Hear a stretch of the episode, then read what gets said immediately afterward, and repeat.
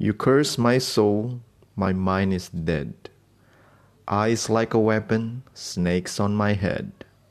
A priestess I was, the pride of Athena. Now I'm banned to live the life of a beast. Gravedigger on Medusa.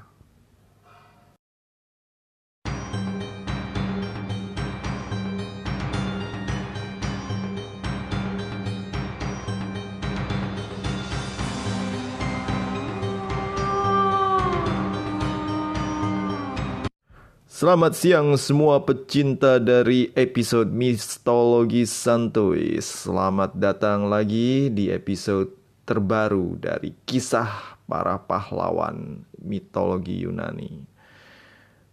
Hah, gile hari ini panas banget nih teman-teman. Gue barusan keluar naik motor sebentar dan ketika gue balik buju buneng keringetan terus.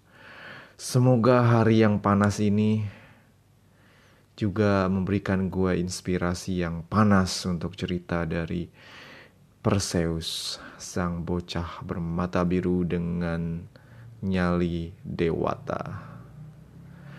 Oke, kita akan lanjut ceritanya. So, di episode yang lalu, gue memperkenalkan tentang asal-usul dari Perseus. Bagaimana uh, dia tumbuh dewasa menjadi anak dari uh, Danai dan juga Zeus, walaupun Zeus tidak pernah muncul lagi dalam kehidupan Danai setelah menghamilinya dengan berubah menjadi hujan butiran emas. Peran ayah digantikan oleh Diktis yang hanyalah seorang nelayan tapi keturunan bangsawan. Mungkin nelayan yang sangat rendah hati dan tidak mau menjadi pangeran. Sangat aneh, tapi ya kita tidak menggunakan akal sehat dalam membahas mitologi, apalagi mitologi santuy. so, di episode yang lalu kita tinggalkan um, Perseus yang menghadiri pesta di istana Polydectes. So, Polydectes yang awalnya minta kuda, kemudian meminta sesuatu yang lebih berbahaya daripada seekor kuda. Perseus yang memang, you know, um, really lightweight dan tidak bisa minum alkohol, baru minum beberapa gelas anggur saja sudah separuh teler dan layaknya anak-anak muda ketika teler mereka suka boasting and flexing dan mulai ngoceh kalau mereka itu pahlawan yang bisa melakukan apa pun. Polydectes yang memang punya niat terselubung ingin menyingkirkan Perseus dari Danae, biar gampang PDKT, kemudian memintanya untuk memberikan sesuatu yang sangat-sangat berbahaya, yaitu Medusa, kepala dari Medusa.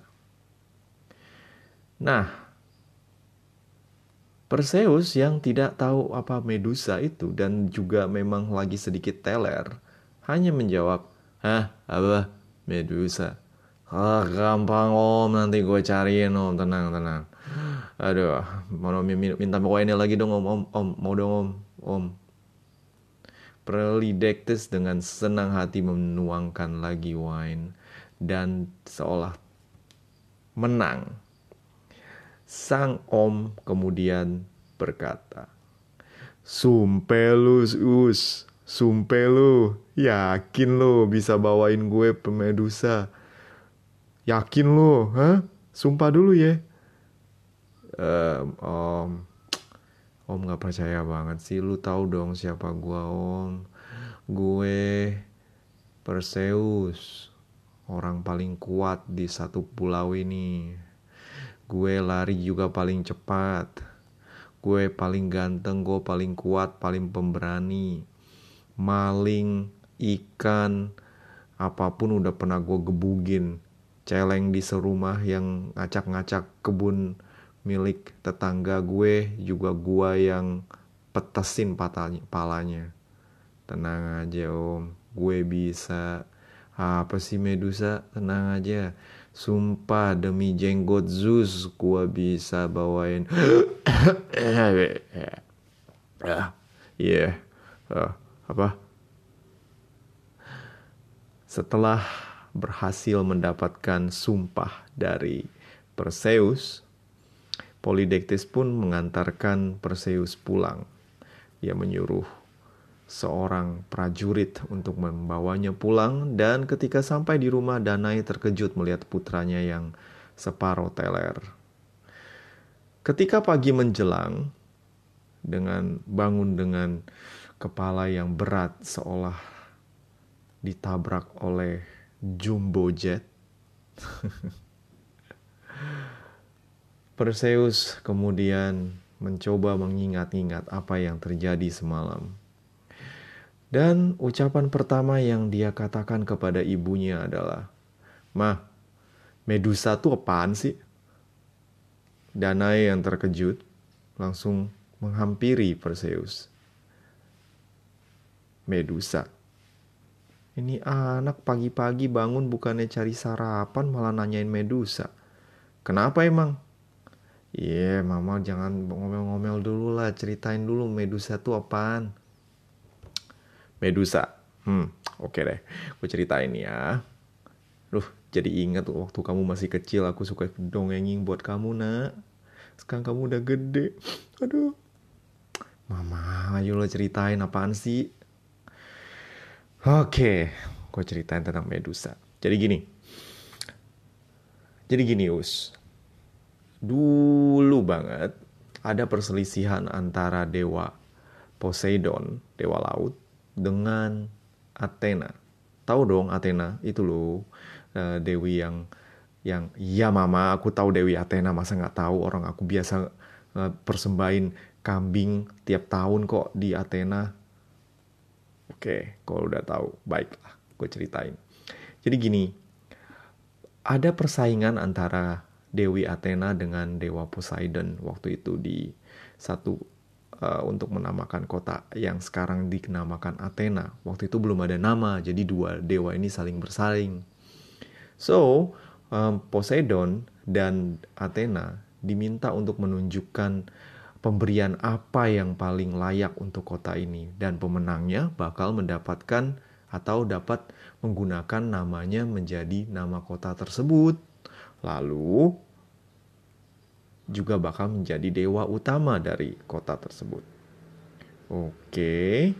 Terus nah, singkat cerita, Poseidon itu memberikan sumber air, tapi yang air yang keluar itu asin Lalu Athena memberikan pohon zaitun yang lebih berguna karena dari pohon zaitun ini batangnya bisa dipakai, bijinya juga bisa dimakan, eh buahnya bisa dimakan, lalu bisa juga dijadikan minyak.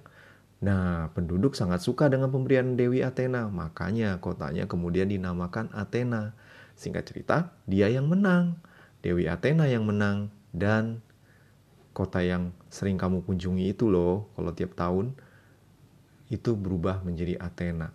Oh gitu ceritanya. Waduh, kalau tak kalau misalnya yang menang Poseidon namanya jadi Poseidonia dong. Iya, tapi kan sekarang jadinya Athena karena Athena yang menang.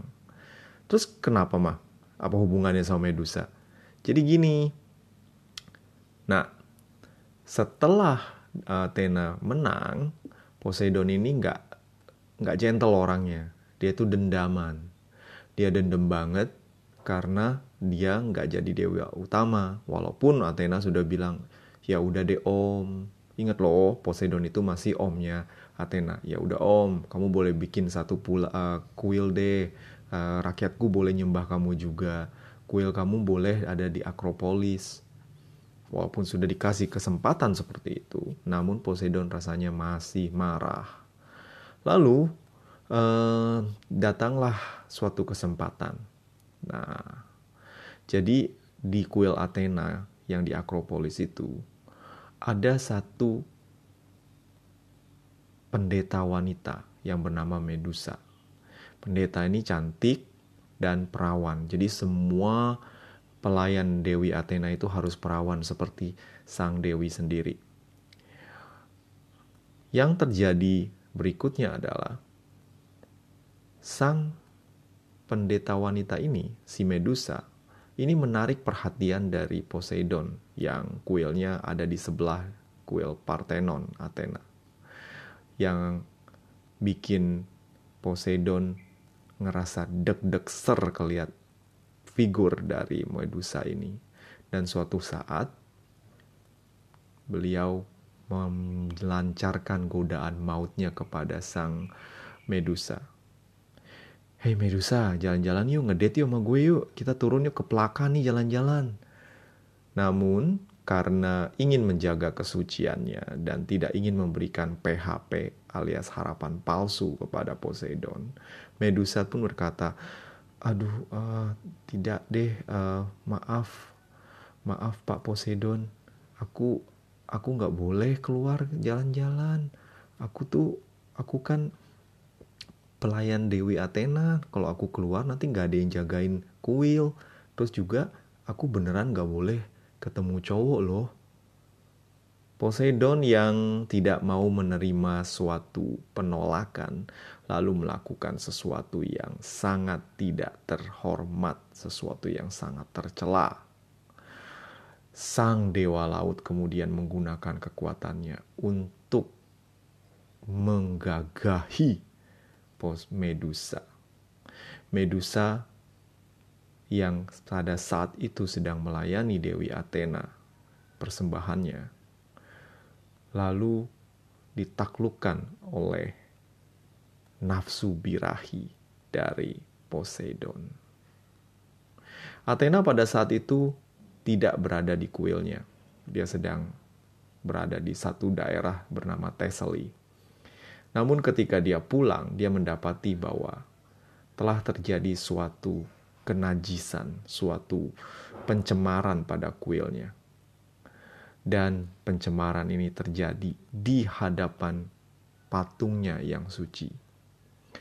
Athena marah karena kesucian dari kuilnya telah ternoda dan pelayannya yang semestinya bisa melindungi dirinya sendiri dari godaan Poseidon malah dicemari oleh Poseidon. Athena dengan kemarahannya lalu malah melampiaskan amarahnya kepada Medusa. Medusa kemudian dikutuk menjadi seorang Gorgon. Mami, Gorgon itu apa? Jadi gorgon itu adalah makhluk berkepala ular, terus juga giginya itu kayak gigi babi hutan dan miliki cakar yang tajam dan wujudnya benar-benar mengerikan. Hah? Apaan tuh? Pokoknya serem banget deh. Oke. Okay. So, Gorgon itu jadi banyak di bumi ini Gorgon itu aslinya cuma dua, bernama Steno dan Eurael. Tapi keduanya ini dilahirkan sebagai Gorgon, anak dari suatu, suatu makhluk purbakala yang tinggal di laut. Namun Athena ini murni kutukan. Kalau yang dari Athena ini murni kutukan. Jadi Medusa dikutuk menjadi makhluk yang mengerikan. Dan yang lebih mengerikan dari uh, gorgon yang lain, Medusa ini memiliki suatu kemampuan yang luar biasa menyeramkan. Hah? Menyeramkan gimana, Mami? Jadi, kalau Medusa melihat atau ada orang yang melihat tatapan matanya, orang tersebut akan berubah menjadi batu. Ah, menjadi batu Kayak malin kundang mami. Bukan nah, aduh, lu tuh kok lu, lu, lu minum berapa banyak sih kemarin? Kita lagi ngebahas mitologi Yunani, bukan mitologi Indonesia. Oh, ya mana tahu kan waktu itu kan mama cerita soal malin kundang. Bukan. Jadi jadi kalau lu ngelihat tatapan mata dari Medusa, lu bakal berubah jadi batu. Jadi hati-hati kalau ngelihat Medusa, jangan ngelihat matanya langsung. Oke. Oke, mah, mah, paham, mah. Ngomong-ngomong, kenapa lu ngomongin Medusa nih? Lu belum cerita sama Mami. Jadi gini mah kemarin um, eh tunggu dulu mah. Jadi Medusa ini sekarang tinggal di mana ya? Tunggu tunggu tunggu. Jawab dulu pertanyaan Mami. Enggak, Mama jawab dulu. Oke. Nah, nah. Jadi Medusa dan kedua uh, gorgon yang lain itu tinggal dalam satu pulau yang tidak diketahui manusia. Banyak pahlawan yang pergi mencarinya, tapi sampai sekarang nggak pernah ketemu. Semua pergi dan tidak pernah kembali.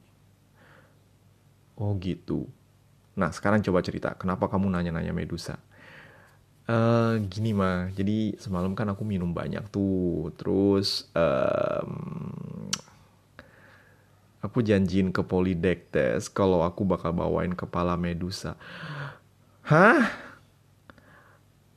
Kepala Medusa ya ampun nak Nah makanya kan aku udah bilang jangan minum kalau pergi ke pesta Udah-udah nanti uh, mama bakal Mama jangan mah Kenapa? Gak mungkin kamu bisa dapetin kepala Medusa Ya gila aja Kamu mau mati? Kamu mau jadi batu? Aduh gimana sih kau ini? Gak mah aku udah sumpah Dan seorang pria sejati itu gak bisa mengingkari sumpah Gak boleh Perseus, kamu harus tinggal di rumah gak boleh. Nanti papa yang bakal, uh, mama yang akan bilangin deh ke papa tirimu. Biar dia yang bilang ke om Polydectes. Ah itu jadi om-om aneh banget sih. Anak kecil baru umur 17 disuruh. Ma aku udah dewasa ma. Iya tapi kamu disuruh bunuh monster mana bisa kamu. Aku bisa ma, aku bisa, aku pasti bisa. Huh. Dengan begitu Perseus pergi keluar dari rumah Danai dan Diktis. Danai dengan hati yang penuh kecemasan kemudian meminta Diktis untuk berbicara kepada kepada Perseus, membujuknya supaya mengurungkan niatnya. Namun ternyata sia-sia. Diktis berkata kepada Danai, "Sudahlah sayang, sudahlah Danai, dia tidak mau lagi untuk mendengar ucapan kita. Dia sudah mengambil sumpah seorang pria, dia sudah dewasa. Biarlah kalau dia mau pergi. Lagian juga letaknya di mana Medusa itu nggak ada yang tahu. Biarin aja dia cari nanti kalau dia nggak ketemu juga dia bakal pulang lagi. Oh iya benar juga ya. Lalu keesokan harinya Perseus pun pergi meninggalkan Danai dan juga Diktis, ayah angkatnya. Mereka berdua berpisah dengan Perseus yang naik kapal nelayan bobrok milik Diktis. Perseus pergi sendiri mengarungi lautan, mencari Medusa yang entah ada di mana.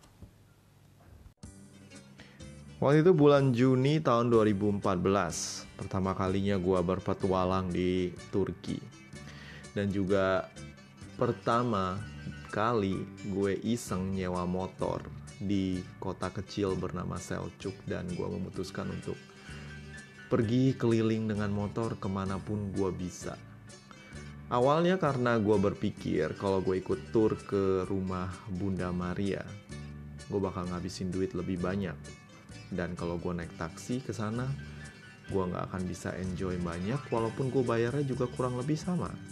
So gue memutuskan untuk nyewa motor dan akhirnya setelah mengunjungi rumah Bunda Maria gue keliling naik motor melewati jalan aspal yang super panas gue kagak pakai jaket kulit gue udah beneran hitam crispy dan modal gue cuma satu botol air minum yang gua refill dengan air suci di Bunda di rumah Bunda Maria dan kemudian gue berkeliling ke kota-kota kuno yang ada di sekitaran Seljuk.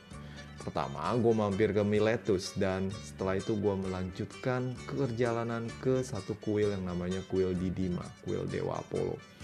Nah, satu hal yang pernah yang benar-benar bikin gue tertarik adalah gue menemukan satu patung dari uh, Medusa yang tampangnya tuh gahar banget di sini. Dan ini bukan pertama kalinya gue ketemu Medusa. Sebelumnya ketika gue pergi ke Istanbul, gue juga uh, melihat beberapa Medusa dengan posisi yang tidak enak. satu terbalik dan satu tengleng di Basilika Sistine. Dan gue mulai bertanya-tanya kenapa sih kok ada batung-batung Medusa padahal ini tempat yang uh, out of place gitu loh. Kayak di kuil di Dima Kuil Didima ini kuil Apollo. Jadi kalau orang pergi ke sana biasanya tuh mencari wangsit dari Apollo. Ada ada oracle gitu kayak lu misalnya pergi ke Delphi di Yunani. Kalau di uh, bagian Asia bisa pergi ke Didim yang nama kotanya Didim sekarang dulu namanya Didima. So, gue ketemu lagi dengan Medusa ini. Ketika gue cari-cari tahu ternyata uh, Medusa karena saking mengerikannya itu dipakai oleh orang Yunani dan Romawi sebagai semacam uh, tolak bala. Jadi ditaruh di depan bangunan untuk siapa pun yang lewat atau punya niat buruk bakalan berhadapan dengan Medusa. Cukup menarik ya.